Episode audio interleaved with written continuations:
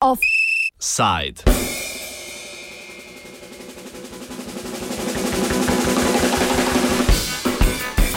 O temnih silah za usodo Dilme Rusev. Spodnji dom brazilskega parlamenta je izglasoval razrešitev predsednice Dilme Rousseff. Preden odide, mora o tem čez nekaj tednov glasovati še zgornji dom parlamenta. Če oziroma ko bo do tega prišlo, bosta Rousseff in njena vlada pod vodstvom delavske stranke morali za pol leta zapustiti položaje. Med odločanjem vrhovnega sodišča, najviše instance v tem postopku, pa bo državo vodila vlada skrajno centrističnega podpredsednika Mišela Temera, čigar stranka je pred kratkim izstopila iz vladajoče koalicije.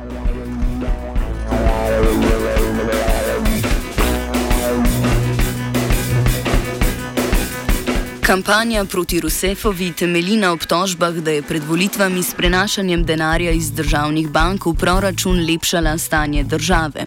Kljub temu mnogi verjamejo, da gre predvsem za politični projekt, tudi zato, ker je korupcija močno razširjena. Tako je od 367 kongresnikov, ki so glasovali za Dilmino razrešitev, kar 150 upletenih v različne kazanske postopke. Tudi sicer so se nekateri obnašali precej krvoločno. Skrajno desni poslanec Jair Bolsonaro je tako svoj glas posvetil poveljniku posebne močilne vojaške enote, ki je med diktaturo med letoma 1964 in 1985 mučila tudi nekdanjo levičarsko gverilko, zdaj pa predsednico Dilmo Rousseff. O zapletenem dogajanju z dolgo zgodovino smo govorili z Alfredom Sadom Fi Filjom profesorjem na Londonski šoli orientalskih in afriških študij ter avtorjem mnogih knjig. Najprej smo sogovornika prosili, da nam oriše zgodovino 14-letne vladavine delavske stranke. V prvih osmih letih je državo vodil famozni Luis Inacio Lula de Silva, ki je tako med prebivalci kot kapitalisti užival visoko podporo. Kakšno državo je torej zapustil svoji lastnoročno izbrani naslednici Dilmi Rousseff, ki se trenutno trudi s svojim, svojim drugim mandatom?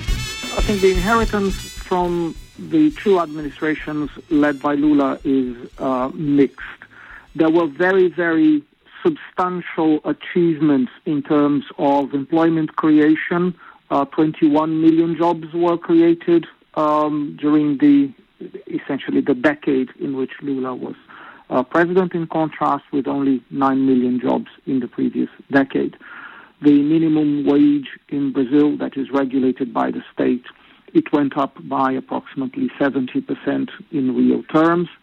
Um, there was an enormous process of distribution of income in the country, and social spending also increased uh, a lot.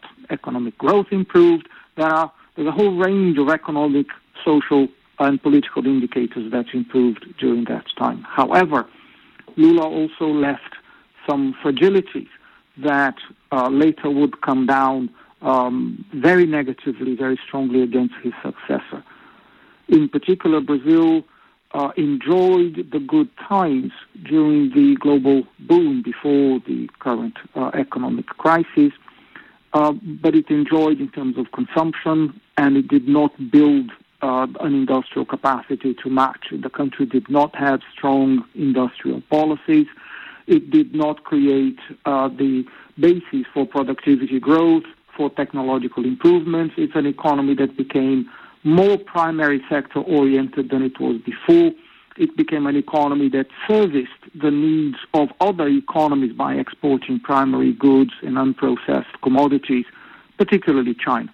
China became Brazil's biggest uh, trading partner uh, during the Lula uh, period.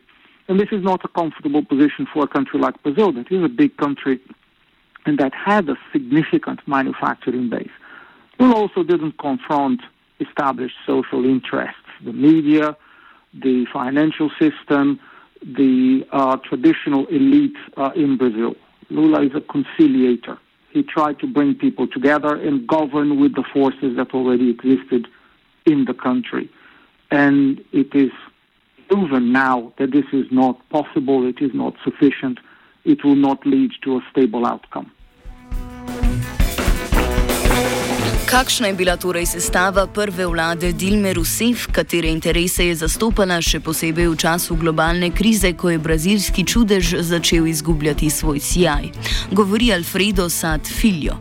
Dilma Rousseff um, was never a political leader and she had never ran for elections before. She was um, essentially a technocrat, a manager, an administrator with extraordinary capacities. She became Lula's uh, Minister of Mines and Energy, and she was very successful uh, in that role.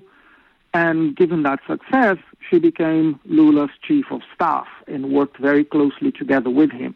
In that capacity, Lula chose her to be his successor. The Brazilian constitution allows the president to be re-elected once, but the president cannot be re-elected for a second time. Now, curiously, once you step down uh, for a period of time, you can come back later uh, that's just a peculiarity of the Constitution. So Lula indicates, uh, chooses Dilma Rousseff to be his successor, and he transfers to her quite effectively his own base of support. That was uh, essentially the uh, impoverished masses of the urban peripheries in Brazil and in rural areas, to some extent because of Lula's own personal roots. He comes from a very poor family uh, also because of the social policies, social transfers, and the employment gains that came under his um, administration. And the uh, higher uh, echelons of the Brazilian elite, the uh, industrial capital, finance, they were all supportive of Lula because of the economic policies his government adopted. But he also transferred to Dilma Rousseff the areas of resistance in society that he had.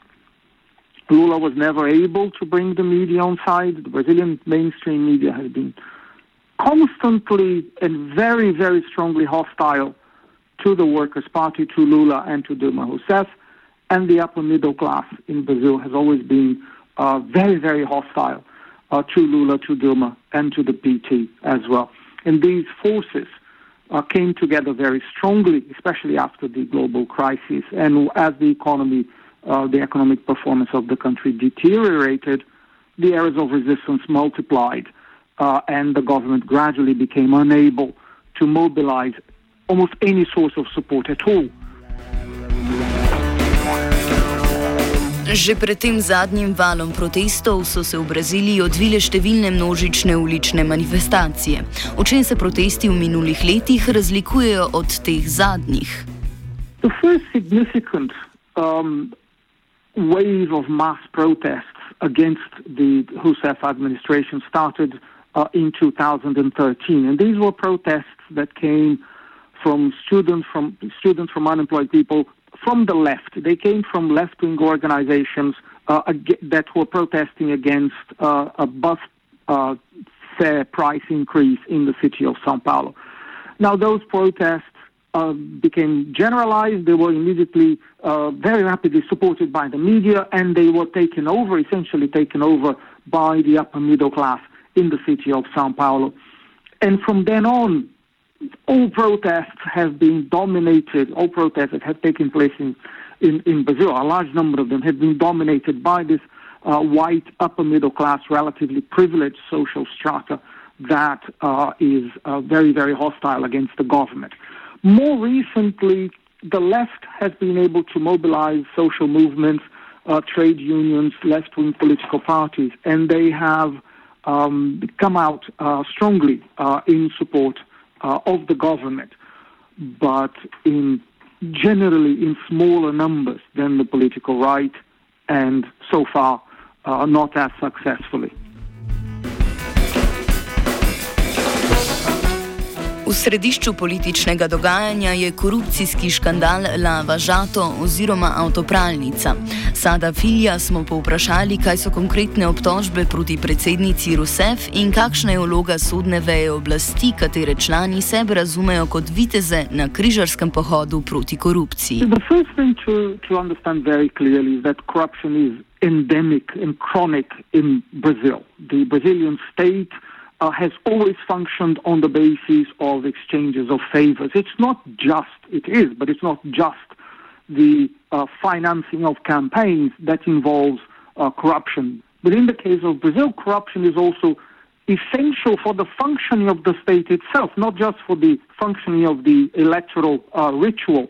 It's essential for the functioning of the uh, of the state. It's essential for, for resource allocation. It's essential for state planning. It cuts across the private sector and the public sector. This is a way of cohesion at the level of resource allocation. So it is absolutely unrealistic and impossible to even think that chasing one corrupt politician or, or business person one after another, you're going to eliminate corruption in the country. This is not going to happen. So if corruption is so um, pervasive, every corruption scandal has a political agenda. Every corruption scandal is, is partial. It does not address the fundamental causes of the problem. And corruption scandals have recurred in Brazil over time. Now, since 2014, there has been a very large investigation uh, by the judicial system and the federal police uh, called Lava Jato, as you mentioned, that has been uh, targeting the state-owned oil company Petrobras and flows of money that have come out of that company. A small number of top managers that have been uh, in the company, very small number of top managers that have been in the company for about 20 years, so since before the Lula government, were found to be uh, signing contracts with a very small overhead, uh, but these were very, very large contracts in the billions of dollars, and those overheads were appropriated by themselves and by several political parties. Now, the judicial system started investigating this, but their only priority was to investigate the flows of funds benefiting the Workers' Party, the party of Lula and Dilma Rousseff. This was absolutely blatant. Dilma Rousseff herself has never been accused of corruption. There, has, there is absolutely no suggestion. So she is being impeached at the moment for accusations that the state manipulated the fiscal accounts. The accusation is very technical.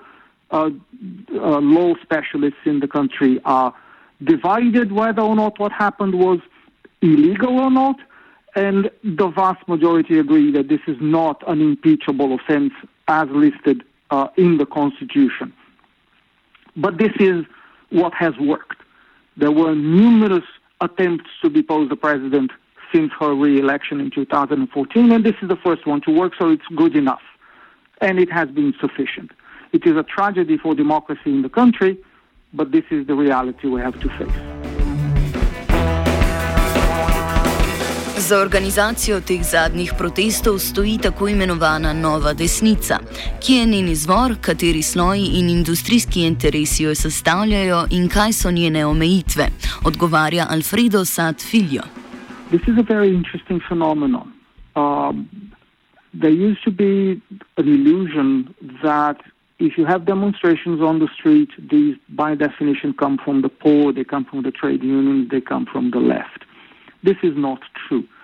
The right can also put people on the street. This was seen in Chile under President Allende. This was seen in Venezuela under President uh, Chavez and now President Maduro. This was seen in Brazil 50 years ago before the military coup that overthrew left-wing President uh, João Goulart. This is a new phenomenon uh, in Brazil. A new generation, essentially of upper middle class people, frustrated for two reasons. The upper middle class is a layer of the population that has lost a lot of uh, political space and social space uh, in Brazil. They have also lost many jobs. I mentioned to you before that 21 million jobs were created uh, in the Lula government.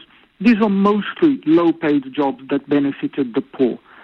Jobs for the upper middle class, people earning between 5 and 10 minimum wages, those jobs declined. Four and a half million jobs at, those, at that wage bracket were lost uh, in the past 10 to 15 years. So the upper middle class find it very difficult to do, for their children to do as well as their parents did. This is a source of frustration. Another source of frustration is that as the situation of the poor improved, as they earned more money because of higher minimum wages, social transfers, new jobs, and so on, they started to occupy spaces in Brazil that were pre- previously monopolized by the upper middle class uh, in the country. So you would find poor people traveling by aeroplane for the first time, poor people being able to buy a car, poor people being able to use private uh, medical facilities that they couldn't afford uh, before. And Brazil is a very, very unequal country. Anyone who has been to Brazil will have seen that very, very uh, clearly. And this was a source, this mixing up in society and the perception of loss of privilege and loss of exclusivity was felt very, very intensely, unbelievably intensely and strongly by the upper middle class in the country. They felt uh, violated by having all those poor people, all those people who tend to be uh, with darker skin color invading their spaces. And this was resisted very bitterly. And it sounds incredible, it sounds implausible. It is absolutely true. And anyone who has been to Brazil will have noticed that. And the political conversations and discourses that emerge out of that. Kakšna je torej prihodnost za brazilsko levico in brazilsko politično sceno na splošno? Sada Filja smo še posebej poprašali po podpredsedniku države in vodji centristične stranke demokratičnega gibanja Brazilije, Mišelu Temerju, ki bo, kot vse kaže, postal zače začasni predsednik države.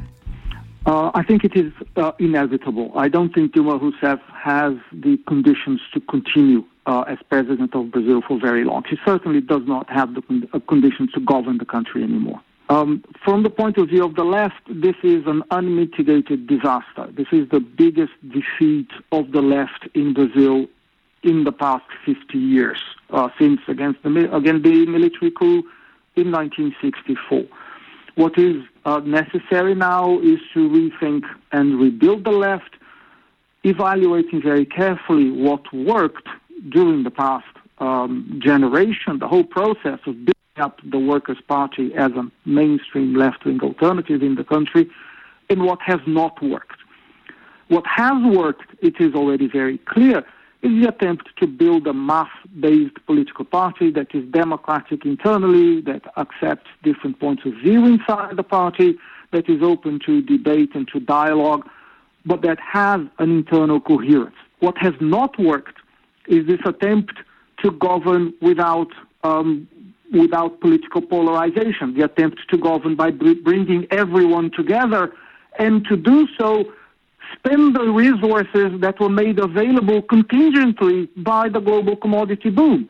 And this was possible under Lula, but once the global commodity boom evaporated because of the global economic crisis, then it was not possible anymore.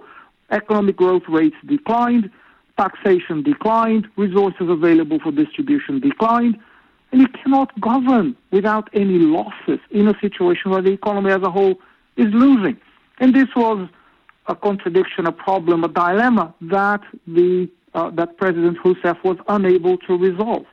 The Brazilian Congress is very strong. It is impossible to govern without substantial support in uh, Congress. Again, this is a lesson for Dilma Rousseff and for whoever comes after her uh, from the left. It is very difficult to do politics in Brazil under these circumstances. Offside je pripravil Jaša.